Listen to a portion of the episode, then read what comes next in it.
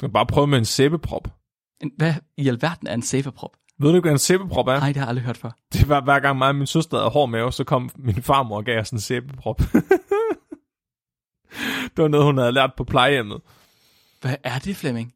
Du tager, øh, hvad hedder det, øh, du ved, sådan en, en blok sæbe med håndsæbe. Mm-hmm.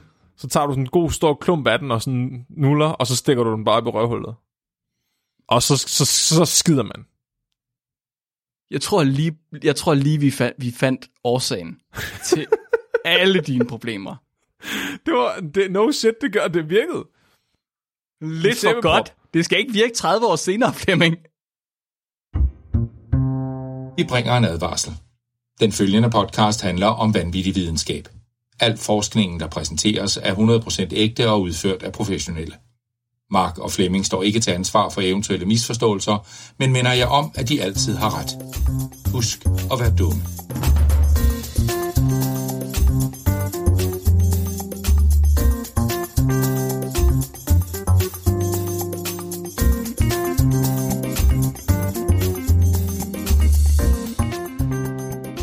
Hej alle sammen, og hjertelig velkommen til Videnskabeligt Udfordret, din podcast om vanvittig videnskab.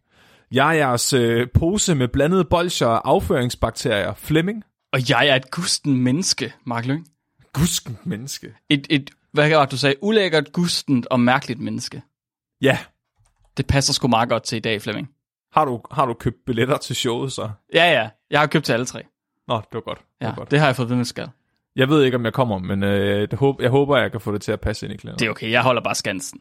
Ja. Jeg sætter en, du, en dukke op, og så maler jeg Flemmings ansigt på dukken. Bare sådan en pap-ting. Og så kan jeg stå og lave og snakke af den. Og så griner den cirka lige så meget, som Flemming han normalt gør af mig. er meget godt. Der grinte jeg da lige der, var. det er også første gang i, hvad, fire år?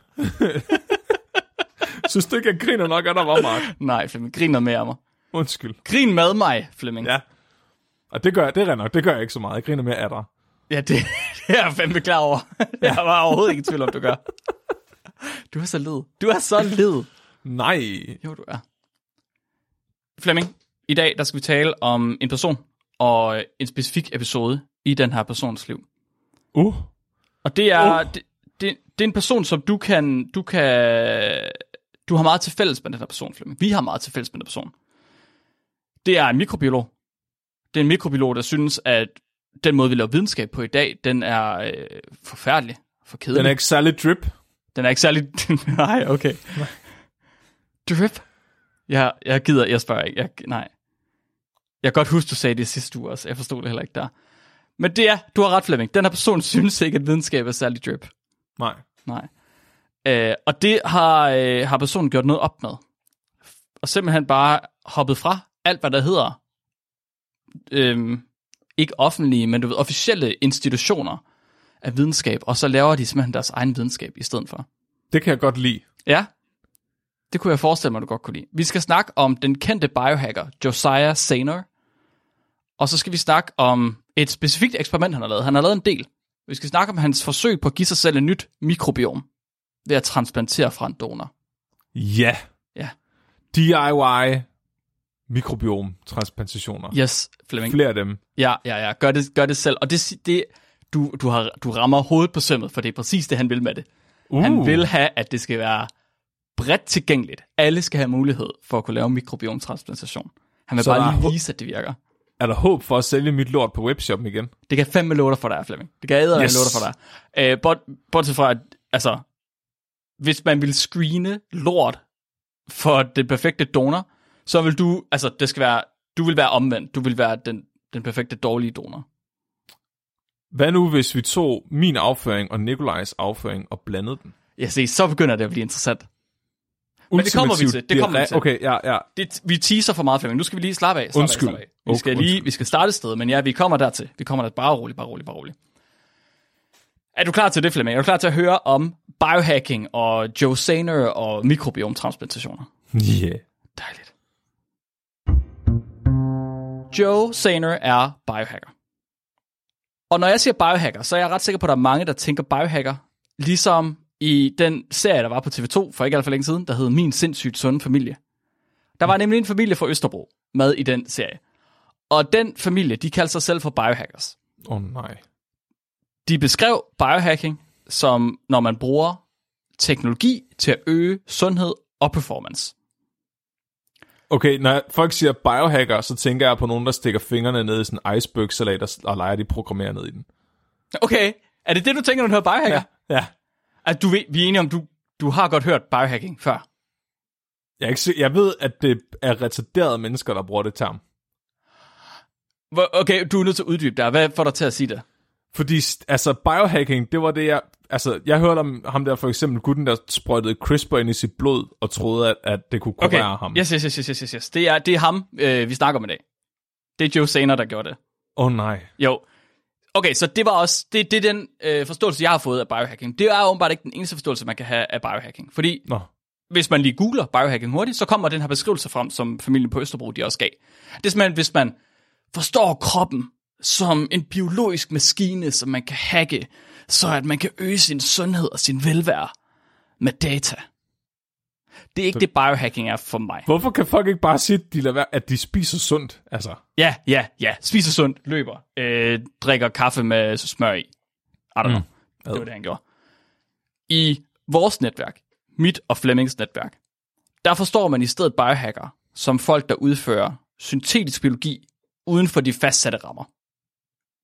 Så de er ikke affilieret med universiteter, de er ikke affilieret med andre store virksomheder, der ellers normalt vil være hjemstederne for det, som man også kalder for gensnedgeri. Hmm. Har du hørt det, har du hørt det term før? Gen, gensnedgeri? gensnedgeri. Ja. Det synes jeg er godt term. Er det Ja, ja, det er GMO på dansk? Jamen det, er- ja, det er folk, der øh, laver GMO. En gensmed. Gen, gensnedger. Gensnedker. Gensmed er også meget god. Ja. Så det er det, de her biohackers, de gør. De genmodificerer organismer i deres garager. Ja, Ja, de gør så. Det er biohacking. Det er biohacking. Når, Ja. man, når man laver syntetisk biologi derhjemme. Når man kan få koli til at lyse grønt derhjemme, Flemming. Det er Uh. biohacking. Ja, ja. Vi kunne godt lave biohacking øh, i dit nye øh, værksted. Det kunne vi i hvert fald. Og ved du hvad, vi kan faktisk købe udstyr til det på Josiah Saners hjemmeside. Men det kommer vi til. Okay, altså jeg, jeg, er jo, jeg kan godt lide at, at tage skrald op fra skraldespanden og tage det med hjem. Ja, Og det kan man, det, det kan man virkelig meget gøre inde på universitetet. Der er virkelig meget godt skrald. og det er altså rigtig tit, at der står en gammel PCR-maskine, eller en centrifuge, eller en varmeblok dernede. det er sindssygt, for det er altså ikke billig kram. Du kommer hurtigt op og betale 100-200.000 for sådan noget udstyr. Så vi kunne bare tage det med hjem, alt det der er blevet smidt ud. Ja, altså. Det kunne man godt, hvis man kan få det til at virke igen. ja, Hvis det er fordi, det ikke virker. Det kan også være, at de bare er smidt ud, fordi det skulle have en anden. Det sker jo det... tit. Hvilket er sindssygt. Men Flemming, så øhm, en meget indflydelsesrig biohacker, det har været Joe Saner, som tidligere hed Josiah Saner. Øh, han har skiftet navn, fordi han øh, fik lavet en kønsskifteoperation for relativt nylig, inden for de sidste par år. Så nu hedder hun Joe, tidligere hed han Josiah. okay, det er biohacking. Det er biohacking. Det må man sige. Det må man sige. Joe har en bachelorgrad i plantebiologi, en kandidat i celle- og molekylærbiologi og en Ph.D. i biofysik fra Chicago Universitet. Efter hun afsluttede sin Ph.D., der begyndte hun at søge efter postdoc-stillinger. Og det lykkedes hende at blive udvalgt til et research fellowship ved NASA. Så her der blev hun ansat ved NASA's afdeling for syntetisk biologi, hvor de forskede i at genmodificere organismer til at hjælpe med koloniseringen af Mars. Vildt. Ja, så hun, hun har ligesom lidt at have det i, det her øh, biohacking, den her syntetisk biologi baggrund, som hun har. Hendes originale proposal, altså hendes forslag til NASA for, hvilket, hvilket projekt hun skulle lave, det handlede om at bygge strukturer og bygninger ved hjælp af mikroorganismer og jord. Ja, er det ikke sindssygt? Jeg hacker mudder. Det du har, altså uden pis, det er hacke mudder. Men det var simpelthen fordi, der var noget præliminær, præliminær forskning, der havde vist, at man kunne styre styrken af jord, altså hårdheden af jord, ved at ændre på, øh, hvor meget jern der var i, og hvilket kemisk, øh, hvad skal man sige, forbindelse det jern, det var i. Så hvis man kunne modificere bakterier til at producere enzymer, der kunne udføre den her ændring, når de blev udsat for lys, så kunne du styre hårdheden på jord ved at lyse på det. Det er... Nej. Mm. Det, det, det lyder totalt sci-fi. Det er faktisk det, som syntetisk biologi det ofte er. Vi har snakket om en konkurrence, der hedder iGEM på et tidspunkt, som øh, også Ja. er internationalt anerkendt. iGEM-projekter er tit sådan nogle sindssyge projekter, hvor man virkelig går langt ud og tænker, okay, hvad kan vi få mikroorganismer til at gøre, som vi ikke ellers kunne tænke os til, hvis bare mm. vi genmodificerer dem. Og det er tit de her projekter her. Som det er sjældent, at man har vildt meget øh, preliminært data at gå ud fra, så det er, ikke, det det er meget øh, high risk, high reward. Hvis det lykkes, så er det fucking sejt, men det er ret usandsynligt, at det lykkes. Ja. Ja. Og det er også nogle projekter, som Joe ligesom oftest har været, øh, været involveret i. Og det var også det, hun foreslog til at starte med her. Så på den måde, så kunne man, hvis man kunne lave det her system med lyssensitive bakterier, der kunne ændre jerns oxidationstrin, så kunne man måske få bakterier til at bygge bygninger på Mars og på månen, hvor der er sindssygt meget jern i jorden. Elon Musk would like to know your location. oh yes. Det var faktisk, det var lige omkring, da SpaceX det startede, at mm. øh, hun blev ansat ved NASA. Men så senere startede med NASA, øh, og det skal lige sige, at jeg har al den her information, fordi senere startede en blog tilbage i 2012, og bare har skrevet dagbog. Så man kan simpelthen læse alle hendes tanker om sit, sit liv igennem lang, lang, lang tid. Og så er der rigtig, rigtig mange, der også har skrevet om senere, som ja, har interviewet hende og alle mulige mærkelige ting. Men så senere, hun startede øh, på NASA i den her syntetisk biologiafdeling. Og hun oplevede, at forskningen med NASA, den haltede rimelig hårdt bagefter. Nå. Man forventer, når man hører NASA, så tænker man, wow, det er jo en af verdens største og mest prestigefyldte forskningsinstitutioner. Det er det også, og det er også blevet deres krykke, deres problem sidenhen. Så senere, hun kom direkte fra universitetsverdenen, og ved universitetet er der, eller universitetsverdenen får i forvejen rimelig hårde hug, øh, for, fordi der er sindssygt meget byråkrati og dårlig arbejdskultur. Mm. Right? Publish or perish. Hvis ikke du publicerer, så er du ude, Ja. og du skal publicere hele tiden. Ja. Og du skal arbejde mindst 12 timer om dagen, fordi ellers så laver du ikke noget. Ja. Øh, men NASA viste sig faktisk at være endnu værre. Fedt. Men på en anden måde. Så de havde stærkere byråkrati, fordi den var offentligt ejet i USA, så det var stats øh, ejet institution. Mm-hmm. Og så havde de den modsatte arbejdskultur.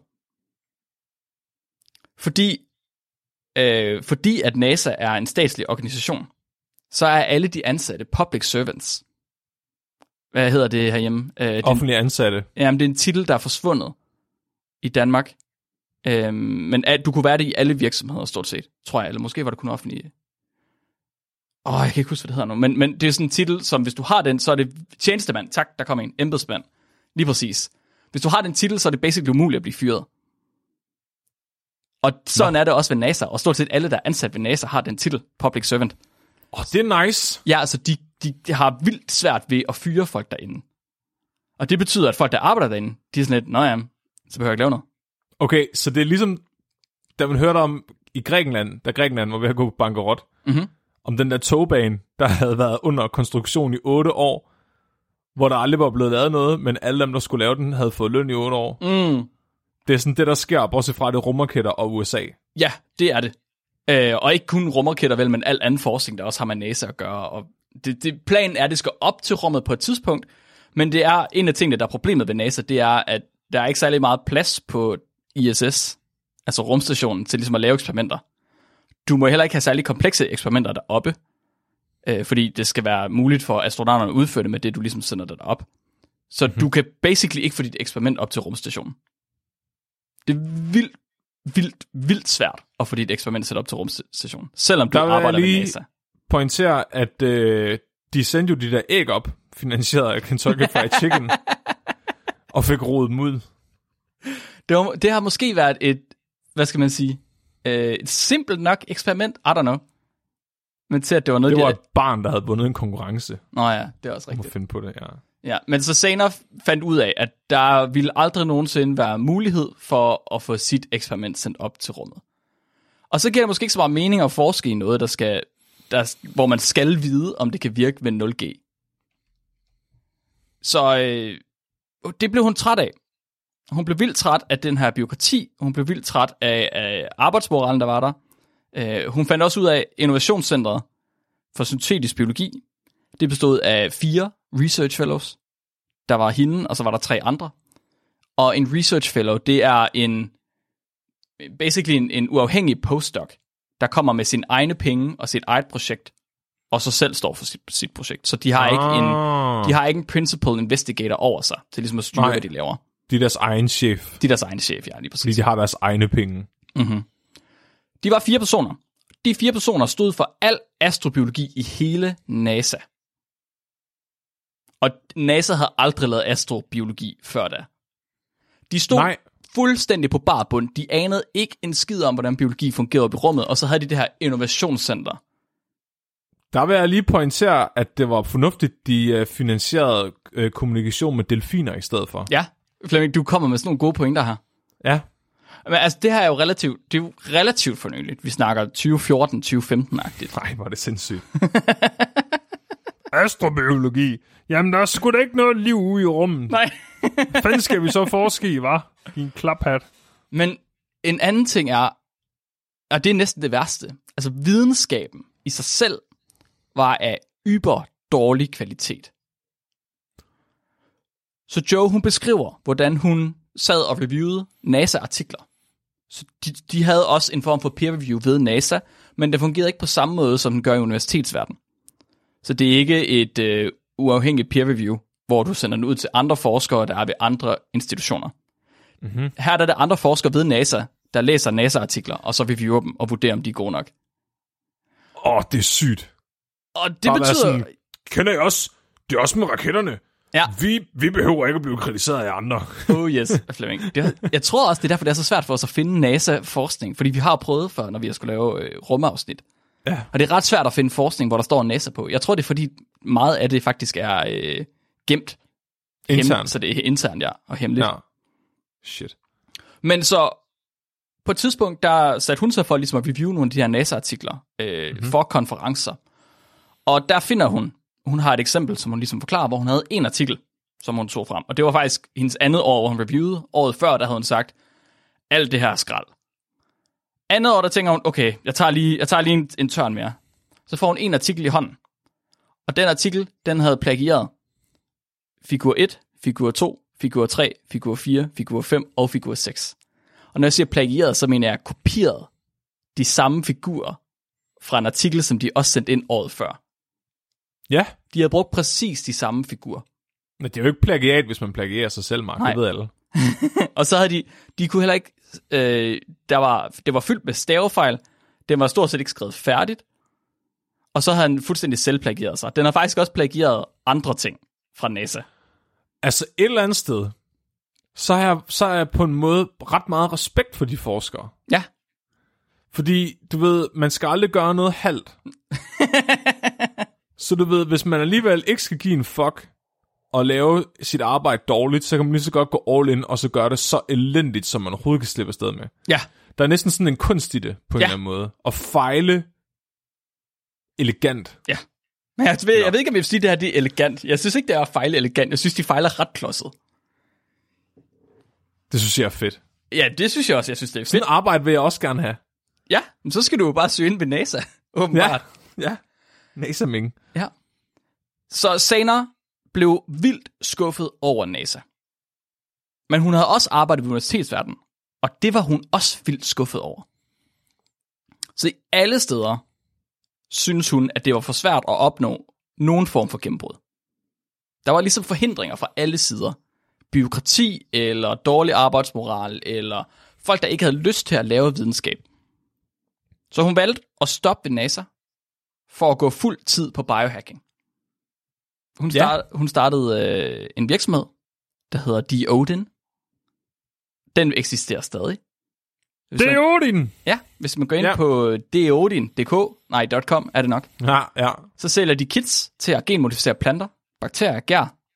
De sælger udstyr til hjemmelaboratorier, og de sælger kurser i at dyrke menneskeceller. Det var ikke gået i Danmark. Nej, det kan jeg det med love dig for, det ikke var. Jeg tror til gengæld muligvis godt, at man kan købe det, og så få det sendt til Danmark. Det er et spørgsmål om, om det bliver taget i tolden. Så bare se i 12, når de åbner pakken. Og Ja. øh, er det kopivarer? ja, altså en af de ting, du kan købe, det er et kit, så du kan gøre bager eller ølgær øh, grønflåsande. Åh, oh, er du sindssyg? Okay, en ting er at købe kittet, en anden ting er lige pludselig rende rundt med GMO-gær. Er du sindssyg, mand? Det går bare overhovedet ikke i Danmark. Det er virkelig, virkelig, virkelig no-go. Kan vide, hvad der vil ske, hvis at du genmodificerede mikroorganismer i dit hjem? Ja, jeg ved Prøv det faktisk på, ikke. hvor, bare, bare på EU-niveau, hvor meget, altså hvor ulovligt GMO er. Du må ikke engang altså, importere fødevarer, der er produkt af GMO. Men så her er du sådan, jeg har den levende organisme, se den kan lyse grønt. Jamen, og så dog, vi har jo, altså... Vi har, ja, vi har lægemidler. Lægemidler må godt være lavet af GMO-organismer i Danmark og i Mhm. Europa. Mhm. Men det rigtige fødevare må ikke overhovedet. Men jeg, hvis, det- altså, jeg synes, vi skal prøve det, Flemming. Jeg synes helt sikkert, vi skal købe det her. Også fordi det er, så- ret, det er ret simpelt workflow. Det er også en ultimativ udgave af, du ved, folk, der, der gider have deres kæledyr med, og så slipper dem fri. så er der sådan en skildpadde af en eller anden søl, så lyser den bare grønt. Når politiet de kommer ud med deres UV-lamper og undersøger et gerningssted, så er der bare sådan en grøn skildpadde. jeg gad ikke have min, jeg gad ikke have min genmodificerede surdej mere. Det er ret griner. Så øh, en af hans blogindlæg handler om det her fluorescerende ølgær, hvor de har prøvet at brygge øl med det. Og Ja. når man gør det, så det er fordi ølgæret har øh, et gen for et protein, der hedder grøn fluorescerende protein. Jeg tror, vi har mm-hmm. snakket om det før. det er det, du lige har fået tatoveret på din arm. Lige præcis. Det er det, jeg lige har fået tatoveret ja. på min arm. Ja. Og det er det protein, der lyser.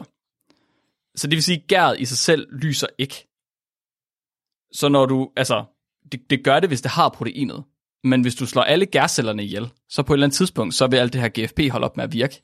Mm-hmm. Så det, de, de kunne ne- lige præcis få deres øl til at lyse grønt. Du kan lige præcis ane det. Jeg har lært i dag, at øh, øh, fluofor fungerer ikke under anaerobe forhold. Øh, nogle af dem. GFP gør ikke. Det er rigtigt. Okay, nogle af dem gør. Ja, nogle af dem gør. Det kommer an på, fordi så dem, der er baseret på GFP, de skal alle sammen modne til den der beta barrel. Det kan de kun gøre med ilt. Hvad med DS Red? Er den GFP-baseret? Øh, det, nej, DS Red er ikke. DS Red er den anden Uh. originale. Jeg mener, DS Red fungerer under øh, anaerob forhold. Jeg skal lige skrevet en e-mail, når vi er færdige med den her podcast. Nå, okay. Du må heller lige tjekke det op. Jeg kan ikke 100% huske det. Nå, men så hun har den her hjemmeside, hvor hun ligesom har kits og undervisning og alt muligt mærkeligt, fordi hun har et mål om at gøre videnskab, skråstreg, biologi tilgængeligt for alle. Hun mener, at citizen science, det er vejen frem. Også i syntetisk biologi.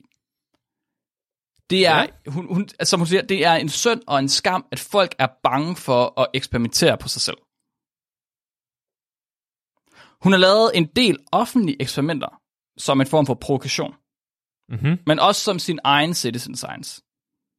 Så du snakkede, du havde hørt om det her CRISPR-stunt. Ja.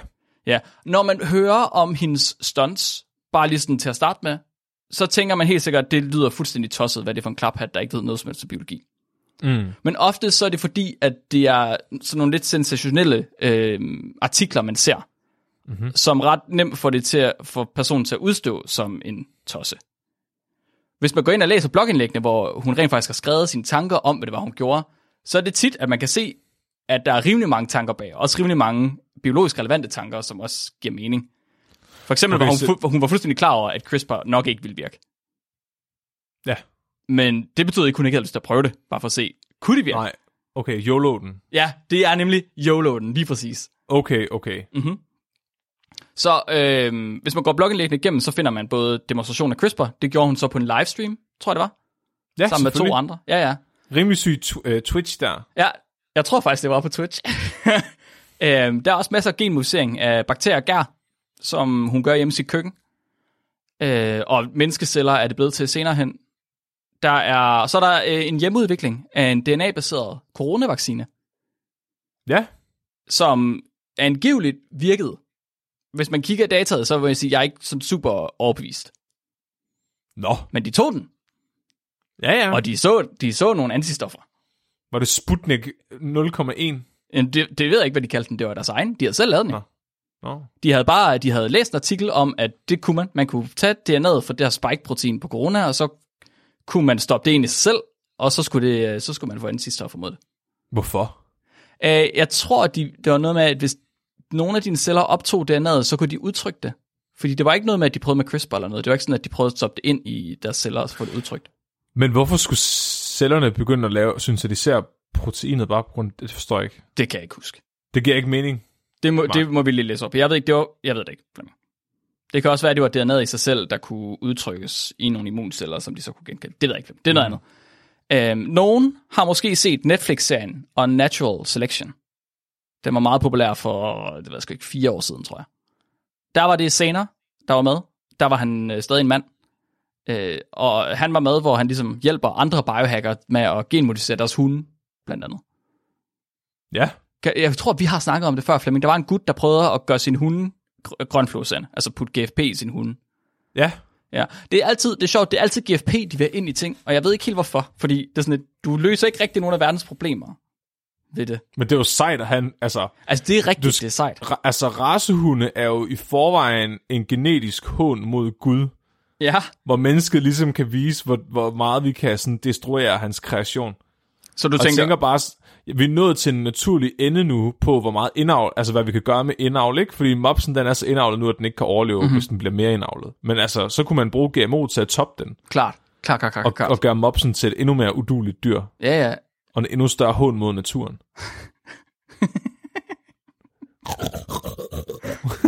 så ligesom en grøn events. nu også selvlysende i mørke. Ja, hvis du, hvis du det her dyr, hvis der overanstrenger sig, så popper dens øjne af hovedet på den. Til gengæld lyser den. Ja, til gengæld lyser den. Mm, Ja. Lækkert. Øh, der er faktisk nogen, der har formået at lave grønfluorescerende katte. Men er det ikke ret nemt at lave grønfluescende dyr? Eller Jo, det bare jo, mig, du skal der- bare stoppe genet. Men det er fordi, du skal være sikker på, at de producerer det nok øh, GFP-proteinet, Ja, til at du ligesom kan se lyset fra dem. Men kan du så ikke bare smide en stærk promoter ind?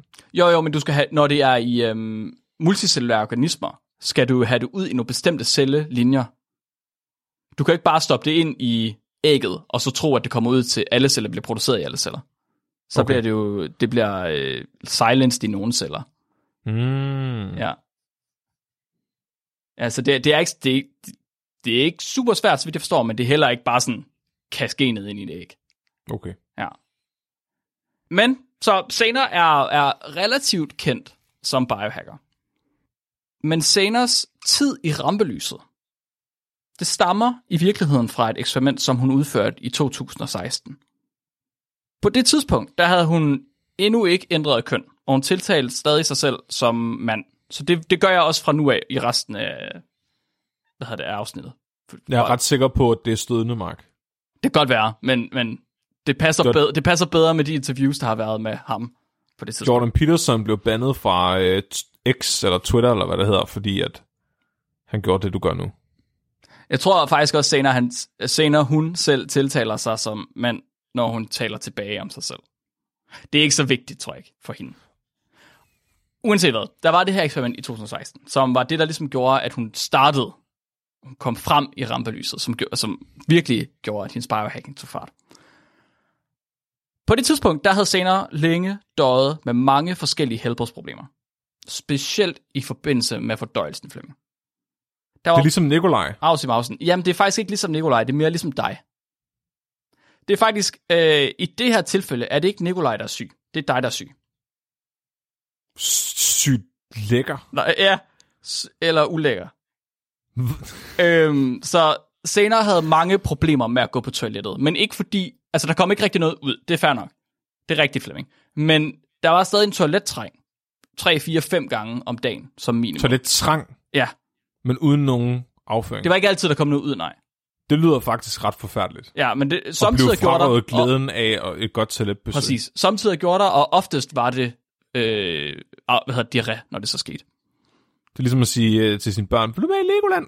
Åh, oh, snydt. Ja. Jamen, nej, det er ligesom at sige, skal du med i Legoland, og så køre i halvanden time, og så ikke være i Legoland. Fordi Sader sad ret ofte ret lang tid ude på toilettet, og bare prøvede, og blev ved med at prøve. Og der var ikke noget, der virkede, Flemming. Og, men det var, ikke bare, det var ikke bare besvær med at gå på toilettet, det var også mavesår, og det var irritabel tyktarm, øh, og det var diarré, og det var alle mulige for- ubehagelige ting. Du kan bare prøve med en sæbeprop. En, hvad i alverden er en sæbeprop? Ved du ikke, hvad en sæbeprop er? Nej, det har jeg aldrig hørt før. Det var hver gang mig og min søster havde hård mave, så kom min farmor og gav os en sæbeprop. det var noget, hun havde lært på plejehjemmet. Hvad er det, Flemming? Du tager, øh, hvad hedder det, øh, du ved, sådan en, en blok sæbe med håndsæbe. Mm-hmm. Så tager du sådan en god stor klump af den og sådan nuller, og så stikker du den bare op i røvhullet. Og så, så, så skider man. Jeg tror lige, jeg tror lige vi, fandt, vi fandt årsagen til alle dine problemer. Det var, det, no shit, det gør, det virkede.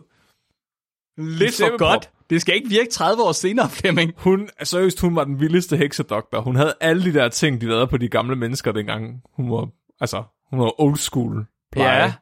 Hjems, ans, altså. Sendte hun en bivirkningsseddel med? Jeg tror, jeg tror, jeg tror, du har... Har du overvejet at sende din forsikring efter hende? Så, skal, så, skal, så skal min forsikring til det hensidesmark. Åh oh, ja, okay. Men der er også, øh, der var også øh, hun havde også, øh, hvis man havde ørevoks, så, så, så, hældte hun, så hældte hun olie ind i ørerne på en. Og så var der en gang, hun ikke havde med olie, så smeltede hun noget smør på panden. af. Nej, nej! Så, så hældte hun ind i ørerne på min farfar, og han kunne bare ikke høre noget i. Det må man ikke. Nej, nej, Det må nej, man nej, ikke. Nej, for det noget ind i ørerne. Nej. Hvordan fik de det ud? Hvad? Hvordan fik de det ud? Det, det tror jeg ikke, de gjorde. Jeg tror bare, at Han blev døv. nej, jamen, han, han hørte det ikke så godt i forvejen. Okay. Okay. Jeg kan ikke vidste, ved, vidste du ikke, hvad en sæbeprop var? Nej, jeg er ikke sikker på, at det er noget, man skal gøre, Flemming. Jeg er ret sikker på, at man skal lære med at gøre det der. Prøv næste gang, du har hård mave. Det kunne være, at vi skulle prøve Nej, at gøre det ja, på det kan jeg Nikolaj. love dig for, jeg ikke vil. Jeg har da overhovedet ikke lyst til at gøre det. Skal vi prøve at gøre det på Nikolaj? Ja, det kan jeg bedre for, gå med til.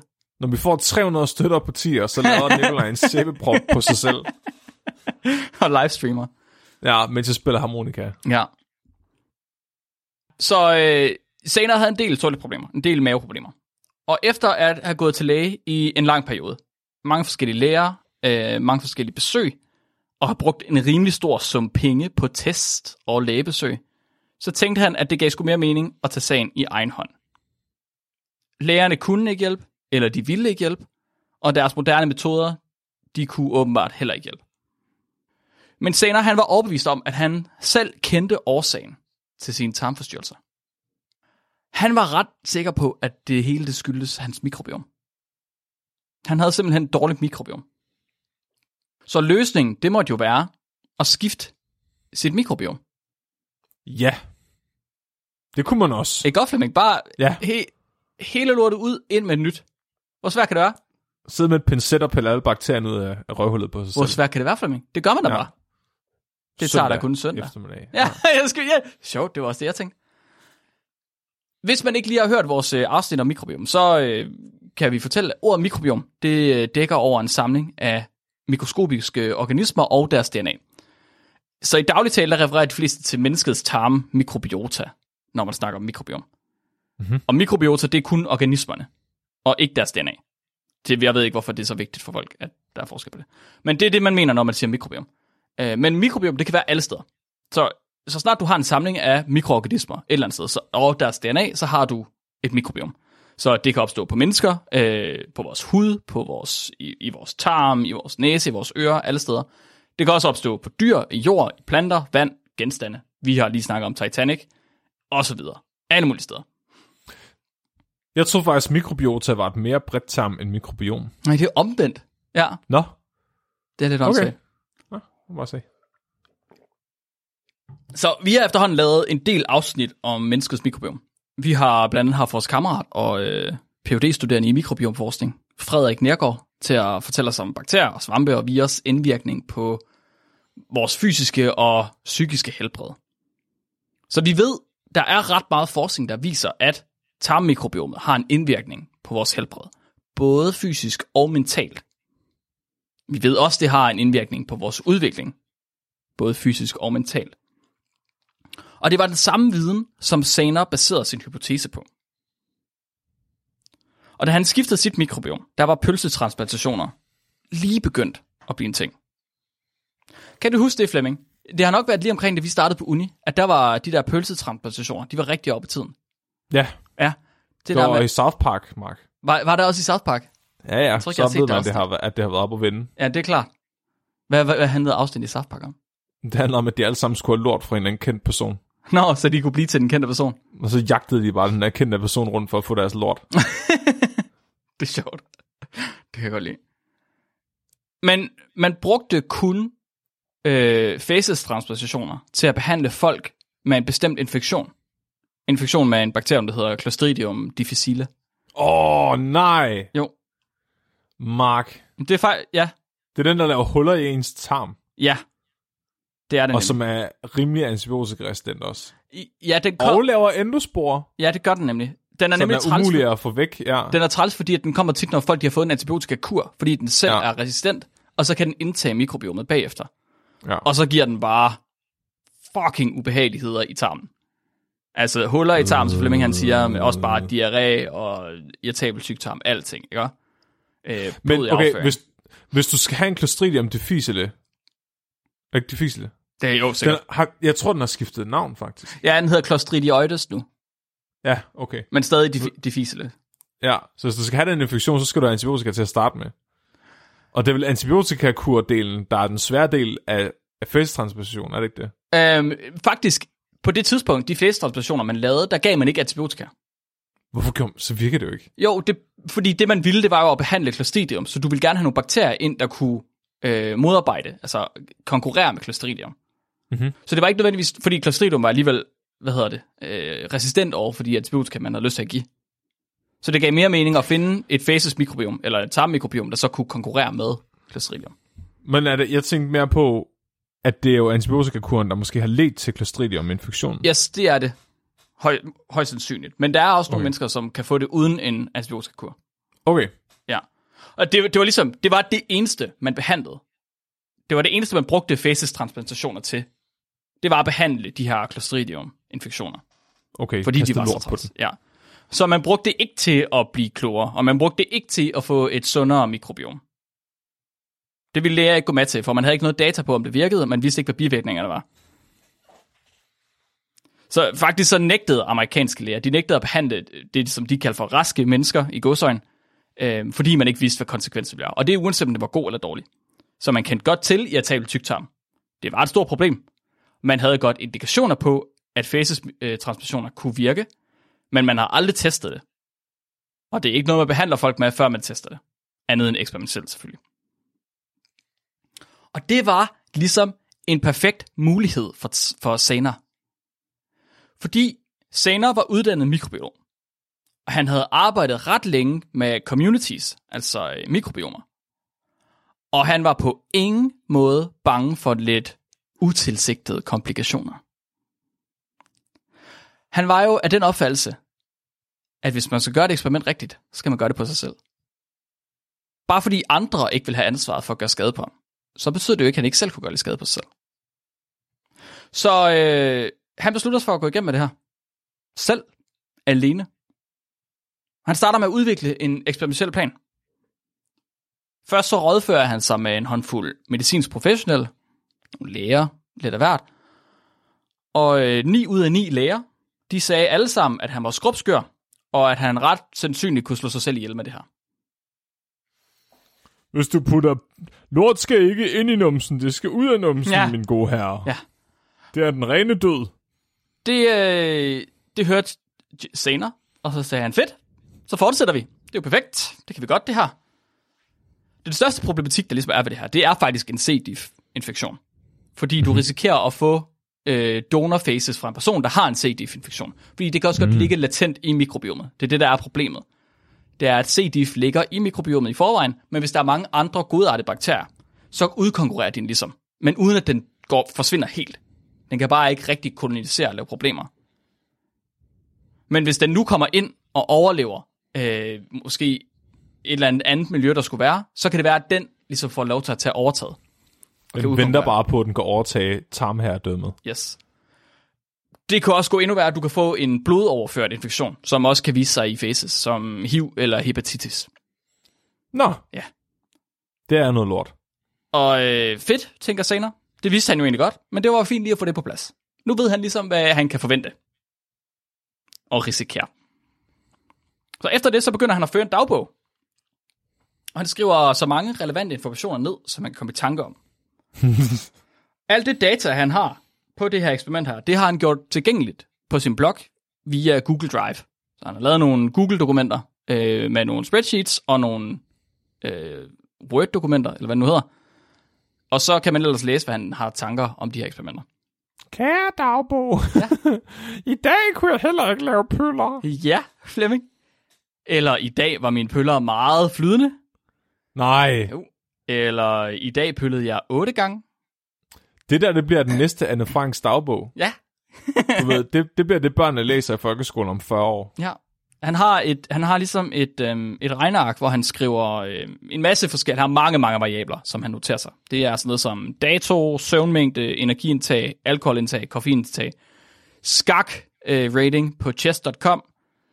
Det er også øh, selvrapportering af søvnkvalitet, humør, libido og cravings. Altså mad cravings. Øh, Det er bare nogle af de ting, han ligesom skriver ned. Han Ja. har en rimelig stor database.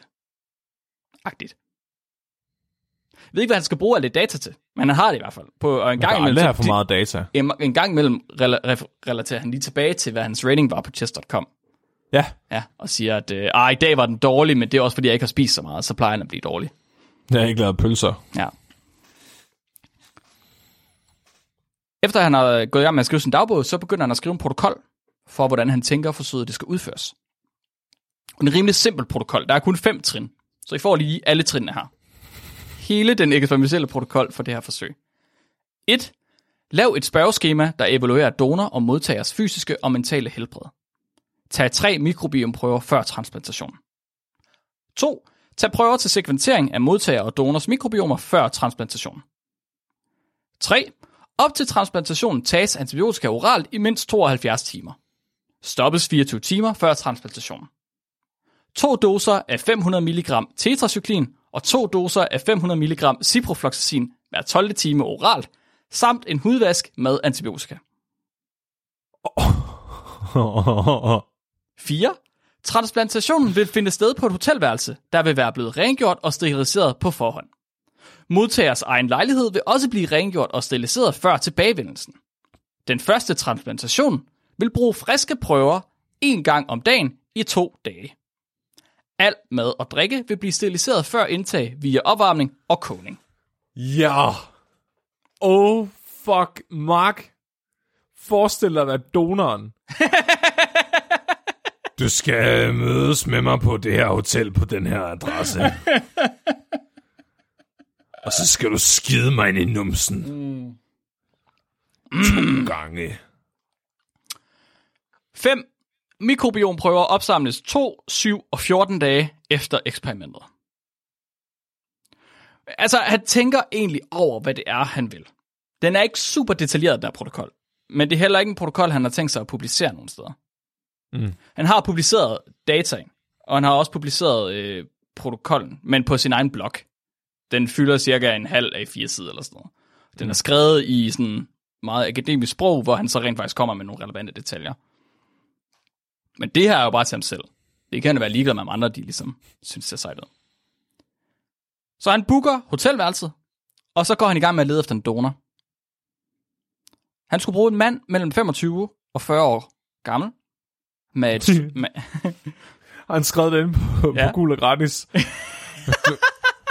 Forsker leder efter øh, villig øh, donor lord. i, I USA, der bruger de Craigslist, Flemming. Nå ja, undskyld. Ja, hvor du også kan søge efter kærester. Oh my god. Yes. Trokkerkaster. Øh, en 25-40-årig gammel mand med et sundt mikrobiom uden nogen underliggende sygdomme. Senere, han vil ikke bare kurere sit tarmflora, men også sine allergier og sine hudproblemer.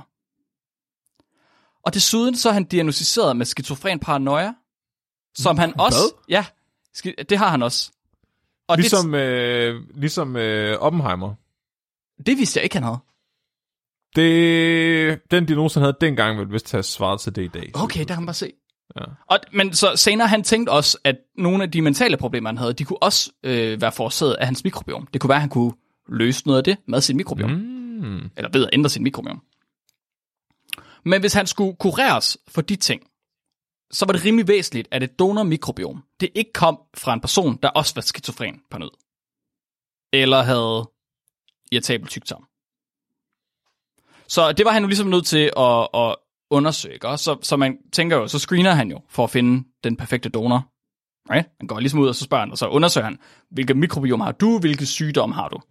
Mm. Øh, men det gjorde han ikke, fordi det kunne han ikke. Fordi øh, da han smed sin annonce ud på Craigslist, der var der ingen, der svarede tilbage. Og da han spurgte alle, han kendte mellem 25 og 40, så, var der, øh, så sagde de fleste, det kan du glemme alt om, kammerat. Jeg skal ikke, jeg skal ikke putte min lort op i dig.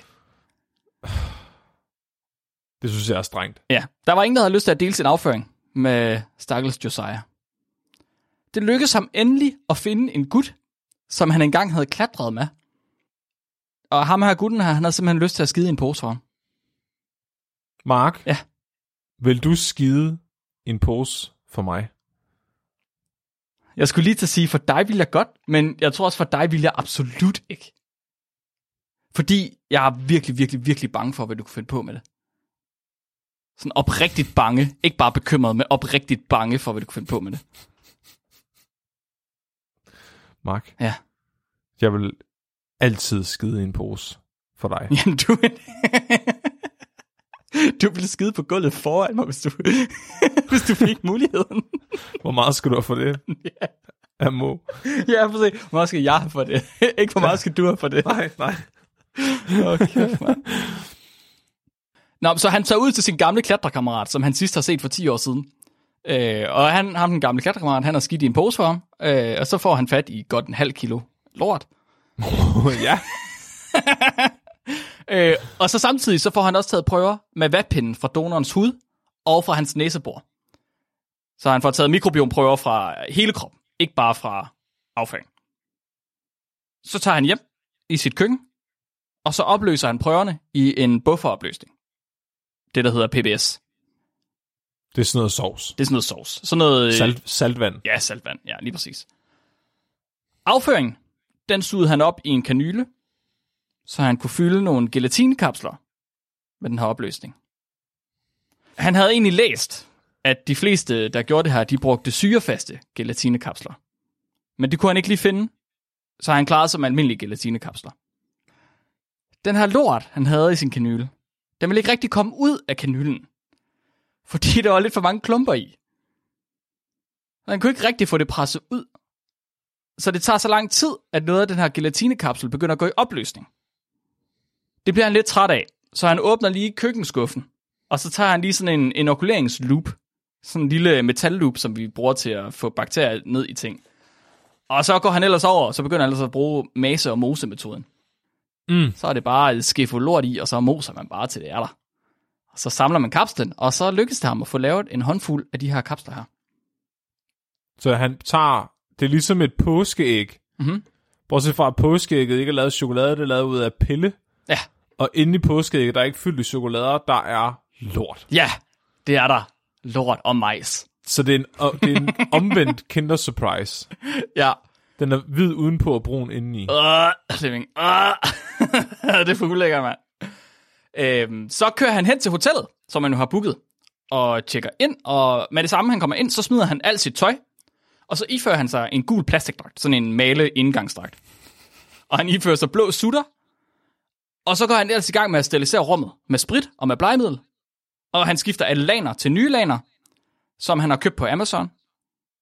Og øh, efter at han har rengjort alting, så tager han sin første antibiotikabehandling. Og jeg, det, jeg synes, det er interessant, at han har ikke skrevet det nogen steder.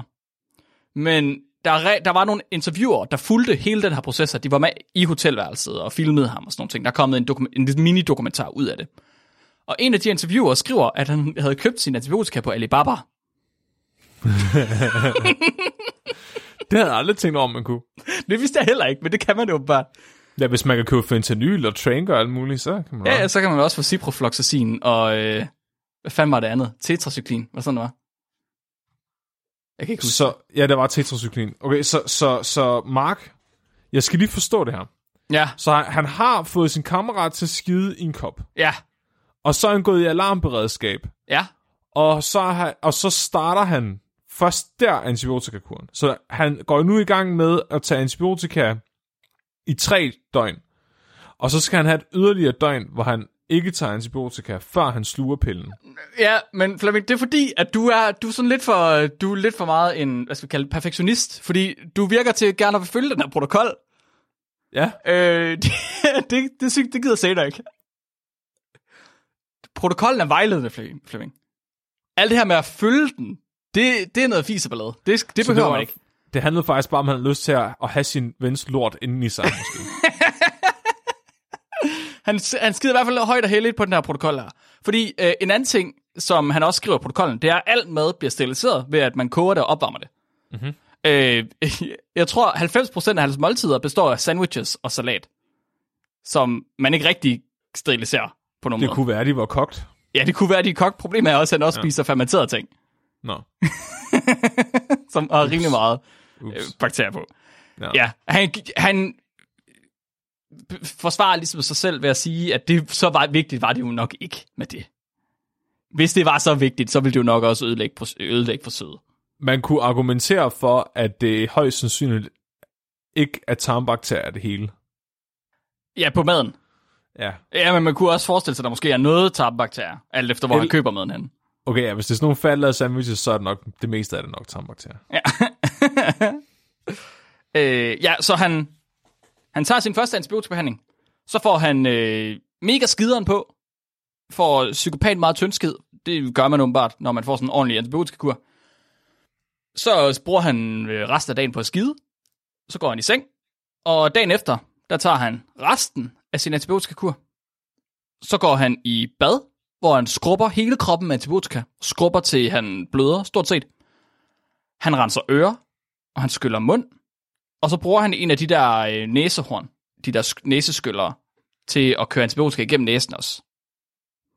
Så hans idé er ikke fuldstændigt at udrydde sit eget mikrobiom. Det tror han egentlig ikke selv på, han kan. Det tror jeg egentlig heller ikke på, han kan. Og det er der egentlig ret mange, der ikke tror på, man kan. I hvert fald ikke på den måde. Han forventer ikke, at han kan sterilisere sig selv fuldstændigt. Han forventer, at han kan svække sit eget mikrobiom nok til, at donorens mikrobiom måske kan flytte ind i stedet for. Men det kræver jo, at antibiotikaen er kommet ud af kroppen, inden han indtager det. Jamen, nu synes jeg, at du er... Øh... Du er meget detaljeorienteret igen, Flemming. Det er som om, at du lægger meget vægt på nogle ting. Det, det behøver ligesom man ikke det- nødvendigvis. Det er jo ligesom at sætte ild til en børnehave, og så sige, hvis jeg brænder alle de andre børn, så er sandsynligheden for, at mit barn besejrer dem langt større, men så venter du ikke med, altså, så, så tager du dit barn og kaster det ind i den brændende børnehave, i stedet for at vente til, det, til den er brændt færdig. Ja, Det er det, Ja, det, er du det har ret. gør. du har ret, Flemming. Det er sådan, hvordan skal, de over, hvordan skal de vinde over de andre, når de alle sammen har den samme ulempe? Ja, og det er, det er... Jeg ved ikke, om det har været et problem for ham. At Det kommer vi til, når vi når til dataet. Så kan du få lov til at vurdere det selv. Mm-hmm. Men du har fuldstændig ret. Fordi efter han har vasket sig, så tørrer han sig, så tager han noget nyindkøbt tøj på fra Amazon. Bortset fra bukserne.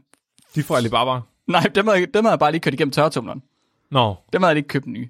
nej. Det tænkte han ikke var nødvendigt. Nej, fordi det er jo ikke dem, der er tættest på hans tarmmikrobiom. Nej. Det kan man åbenbart ikke. I don't know. To timer efter at have vasket sig med antibiotika, så starter han transplantationen. Han tager øh, en af de her lortepiller, og det her det er noget, der er i dokumentaren, som de har lavet ham. Han tager en af de her lortepiller og kigger på den, og så viser den til kameraet. Så kigger han over på kameraet, så siger han YOLO, og så sluger han kapslen. Ja! Ja! Okay, jeg, jeg har ingen kritik længere om noget han, det her. han åd det. Han åd det. Men inde i pillen, ikke? Jo, jo, inde i pillen. Men altså, de der piller, der havde han fucking lavet med en ske. Der var smurt lort udenpå. Han, han forklarer også, at han, det smager en lille smule bitter. Hvor meget, altså, hvor store, hvor, hvor store, altså, hvor meget æder han? Jeg Jamen, vil de er gerne vide, hvor meget lort han æder. De er ikke store. Han skriver, at der er omkring 100 milligram i hver pille. Eller er hver ingenting. kapsel. Nej, det er ikke meget jo. Det er ikke meget. Det er Han helt godt nok- sikkert masser af altså, at bakterier. han har fået et halvt kilo lort, så synes jeg godt nok ikke, han, han værdsætter det særlig meget. Nej, jeg ved ikke, hvad han har gjort med resten. Man bare skyllet det ud i lokummet eller hvad. Ja. Det er jo lidt, det er jo lidt ærgerligt. Øhm, og man kan jo spørge sig selv, er det, er det meningen, man skal spise dem, eller skulle man have haft det op igennem numsten, eller hvad? Og i protokollen havde han faktisk skrevet, at han ville gøre begge dele. Men han droppede det der med at komme op i numsen. Det gad han Det var ikke lidt akavet med det der kamerahold ved Ej, siden af. det er åbenbart. Øh, facetransplantationer tidligere havde bare kørt, altså de, de spiser bare pillerne. Men der bruger de så de her syrefaste gelatinepiller. Fordi ja, man det, forventer, det var måske, ja, man forventer, at de syrefaste piller ikke bliver opløst i mavesyren, så bakterien ikke dør. Han skriver fucking selv i sin blog, det kan være, at alle bakterierne døde i mavesyren, men oh well. Han har Det, så... selvfølgelig døde de i mavesyren. Hvordan- det er jo derfor, mavesyren er der. Jeg ved ikke, hvorfor han overhovedet har gjort det her, hvis ikke han gider at gøre det ordentligt. Det er så mærkeligt. Han vil bare gerne på tv. Ja. Øh, han skrubber så også med øhm, 20-50 ml af den her bufferopløsning, hvor han har opløst prøver af donorens hudmikrobiom i. Han har de her 20-50 ml, som svarer cirka til et shot, et stort shot. Øh, dem skrubber han sig med på kroppen, så han kører lige donorens mikrobiom ud. Hvordan får du mikrobiomet fra donoren? Jamen bare, det var det, han gjorde med en vatpind bare. Han havde bare kørt en vatpind på donorens hud, og så havde han puttet det ned i noget buffer, og så havde han fået tyndet det op til 50 ml, og så havde han tænkt, det er sgu nok nok. Det giver ingen mening. Nej vel? Altså, og det, det, jeg tror slet, slet ikke på det nok. Jeg tror overhovedet ikke på det nok. Nå, øhm, halvanden time senere tager han lige to piller mere, skrubber sig med mere sved. Så spiser han lidt kyllingesalat og drikker en Powerade. Og så er det ellers det, han fortsætter med de næste tre dage. Så de næste tre dage, der spiser han otte pølsepiller, mens han spærrer sig inde på hotelværelset. Og det eneste underholdning, han har, det er sådan noget daytime kabel-tv. Så han sidder og ser Back to the Future, mens han spiser de her pølsepiller.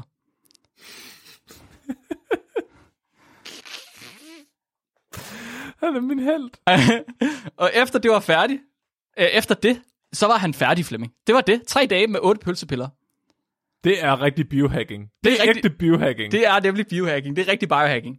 Det kan I, kan I komme efter det, folk på Østerbro? Man skal, fandme, man skal spise noget lort.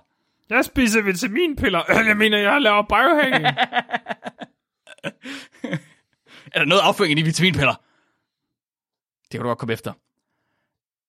Ifølge ham selv, skulle han nu være i besiddelse af donorens mikrobiom, i stedet for sit eget. Han siger, at han føler sig bedre tilpas, end han nogensinde før har gjort. Allerede på hotellet opdager han, at hans toilet-schedule, det ændrer sig. øh, kunne det være antibiotika, Mark? Nu synes jeg, du er lige rigtig kritisk, Flemming. Som i antibiotika, især i større mængder, giver virkelig slem diarré, Ja, Mark det gjorde det til at starte med. Og så skulle han også skide rigtig meget. Han havde rimelig meget ondt i maven. Men efter han havde taget pølsepillerne, så begyndte han at kun skulle på toilettet en gang om morgenen. Det vilde er, at det fortsætter faktisk rimelig lang tid bagefter, at hans toiletvaner er blevet mere regulære. Men følelser er subjektive og stærkt udsatte for bias. Og som den grundige videnskabsperson, som Joe Saner er, øhm, så er han selvfølgelig godt klar over det.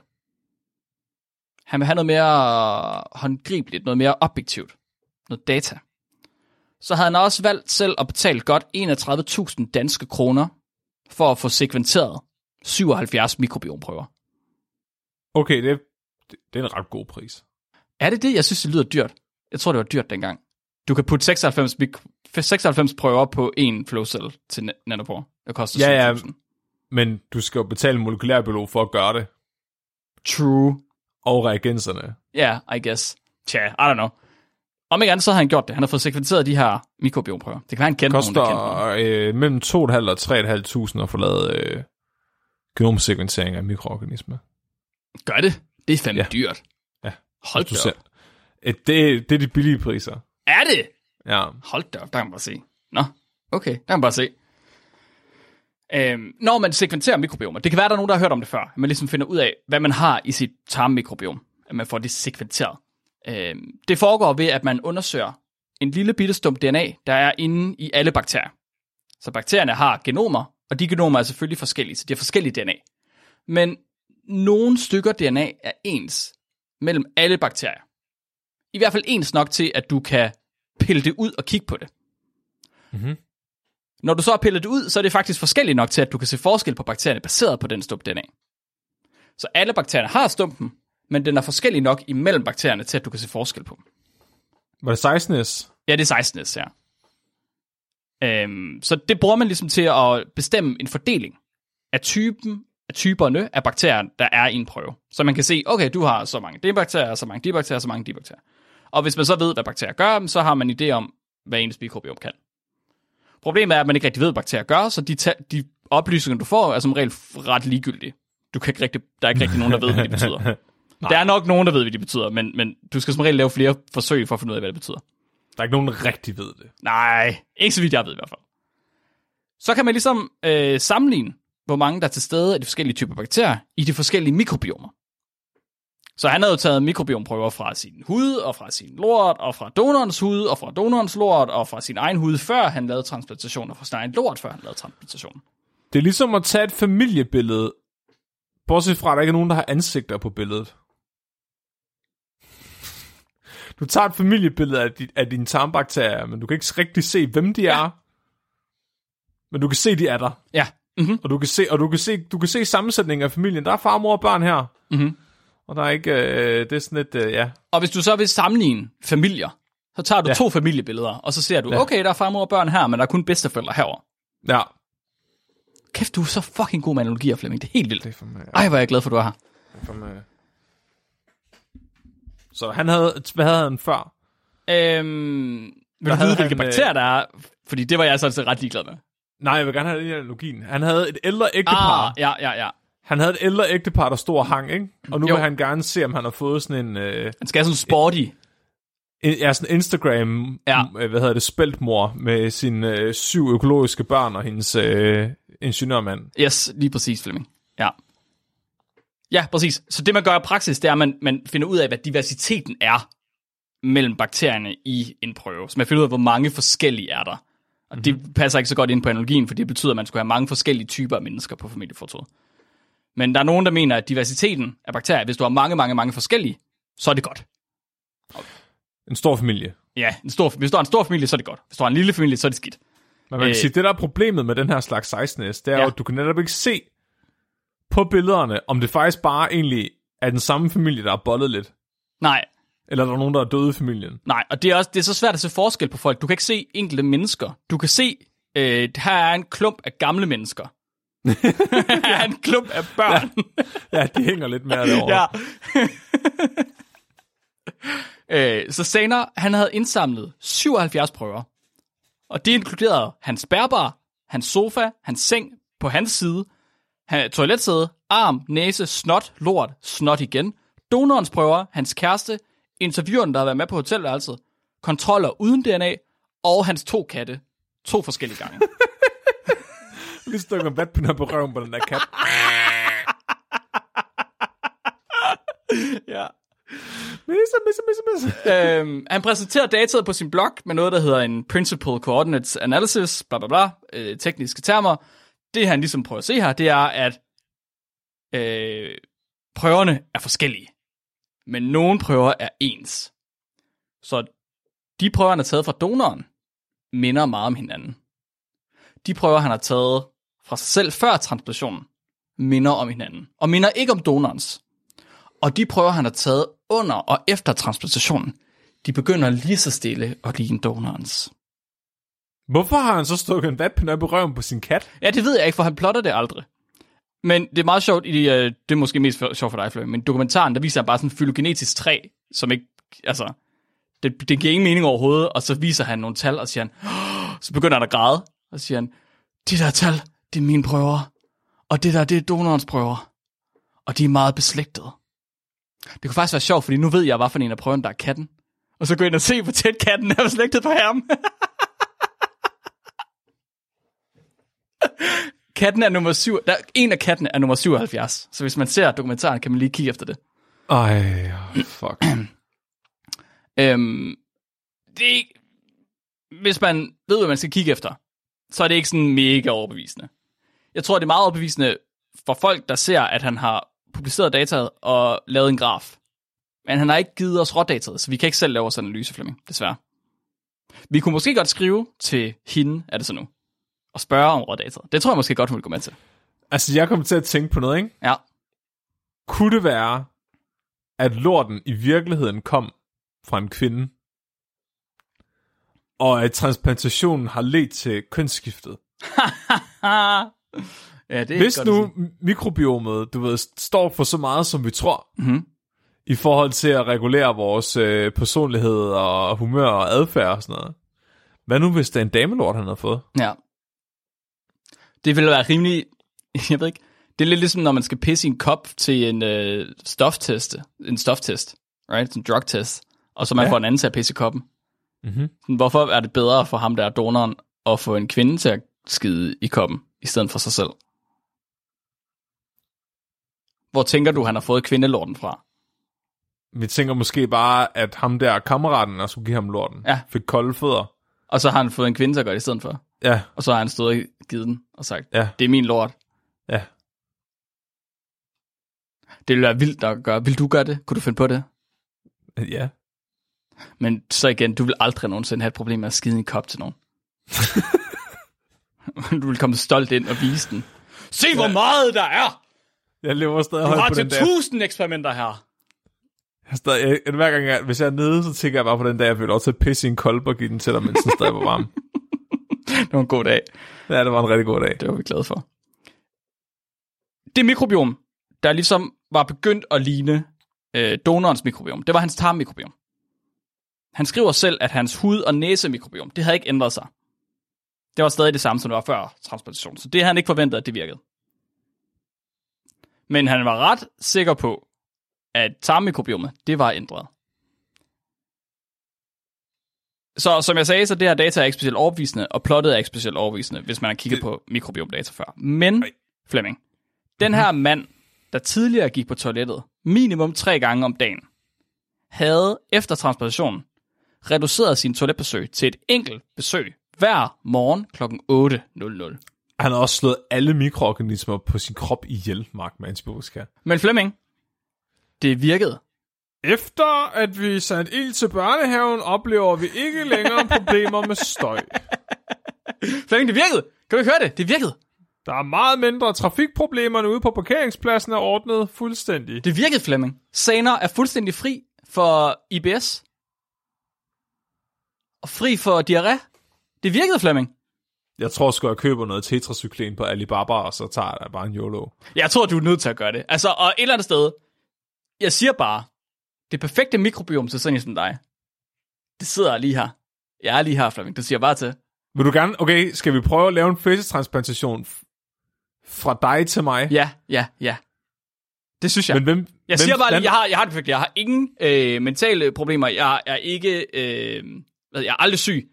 Jeg har, øh, øh, jeg har en skidning hver morgen. Flemming. Jeg tror ikke, dit mikrobiom kan håndtere min krop. Jeg Vi tror, finder aldrig ud af det, hvis ikke vi tester det.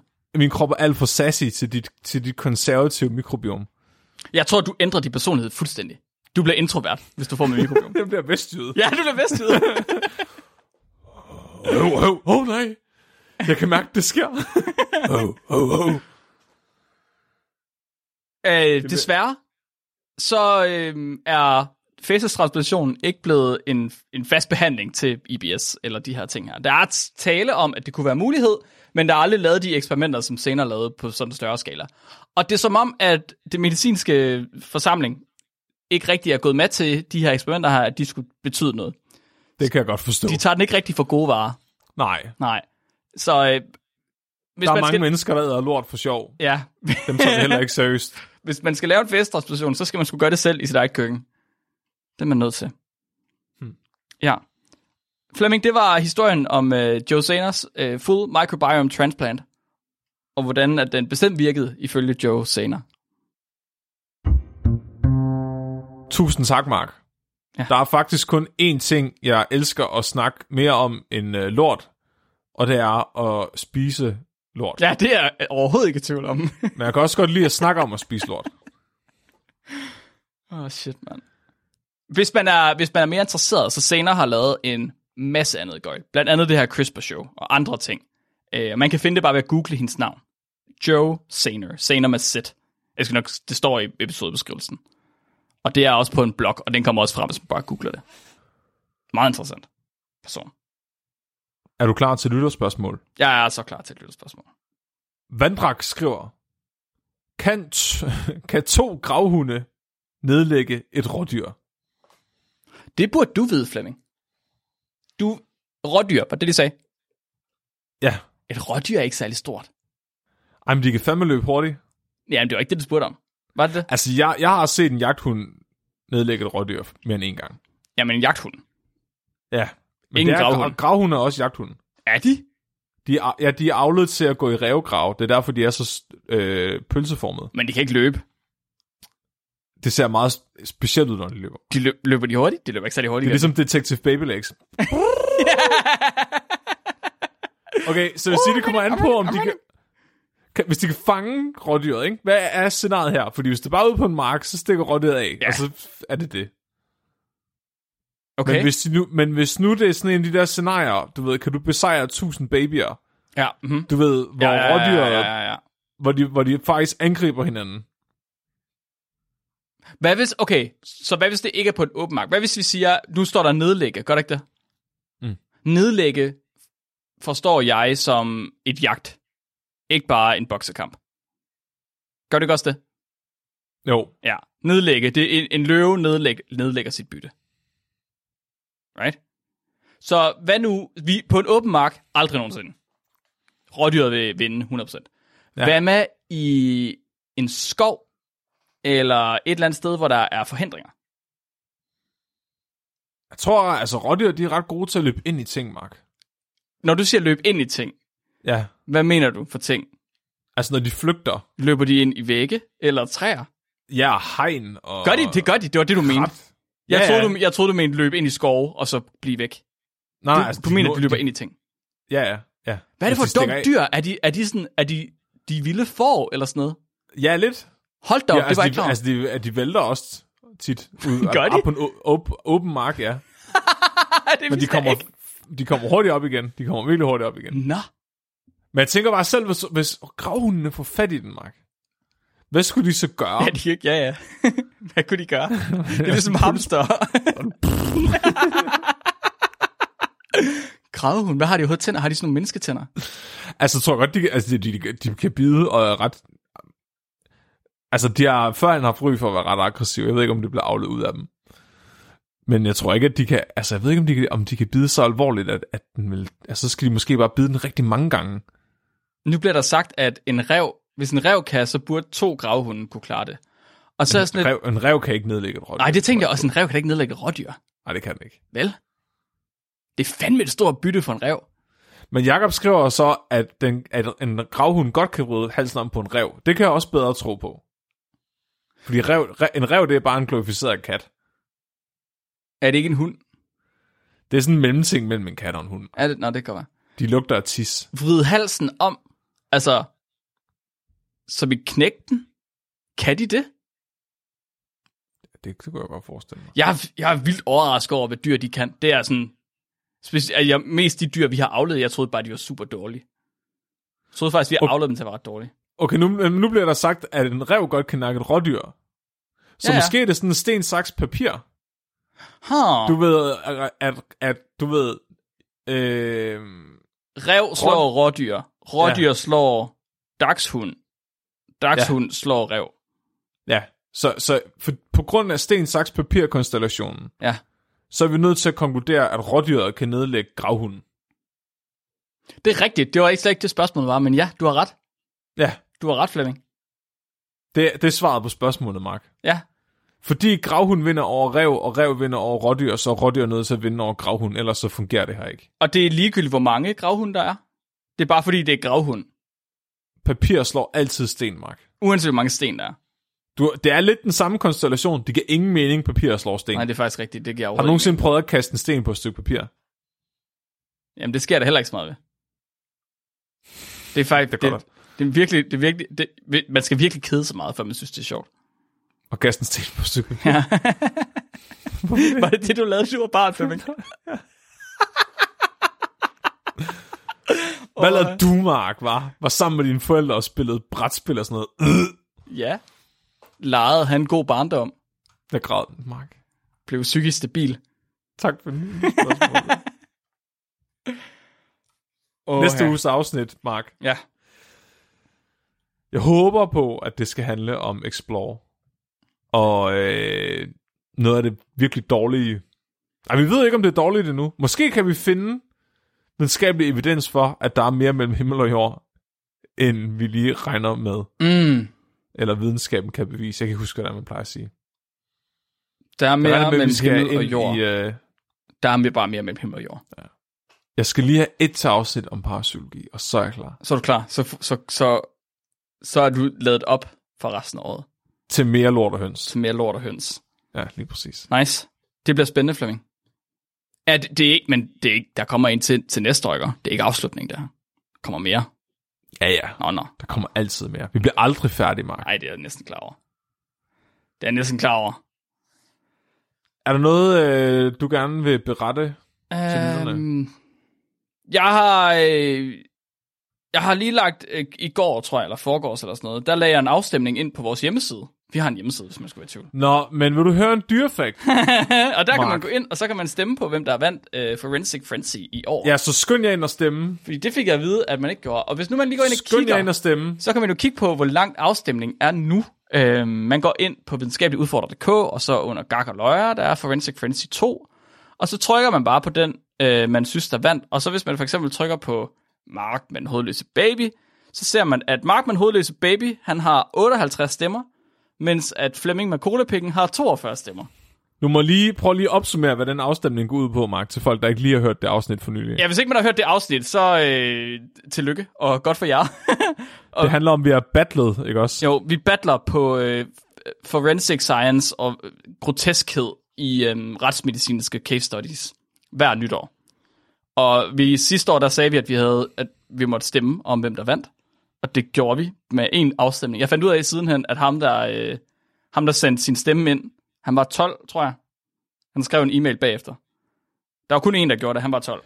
Jeg fik 100% af stemmerne sidste Ja, år, folkens. rigtigt. Nu har I indtil nytår Yes. 2024 til at, øh, at lade mig vinde igen. Der er også lidt andet gak ind på hjemmesiden, så dem må man da gerne gå ind og tage en kigger på, hvis man har lyst til. Der ligger også link til vores øh, billetsalg til live shows. Ja, det gør der. Aarhus, Odense og København. Ja. Jeg tror, det var det, Flemming. Er du klar til et motherfucking dyrefakt? Jeg er så mega klar. Jamen, øh, Mette, hun skriver ind, at øh, lyden af gorillaens tromme på brystet er et ærligt signal til andre om, hvor store de er, og kan høres op til en kilometer væk, hvis de er store nok. Hvis de er store nok. Ja. Hvis de er store nok.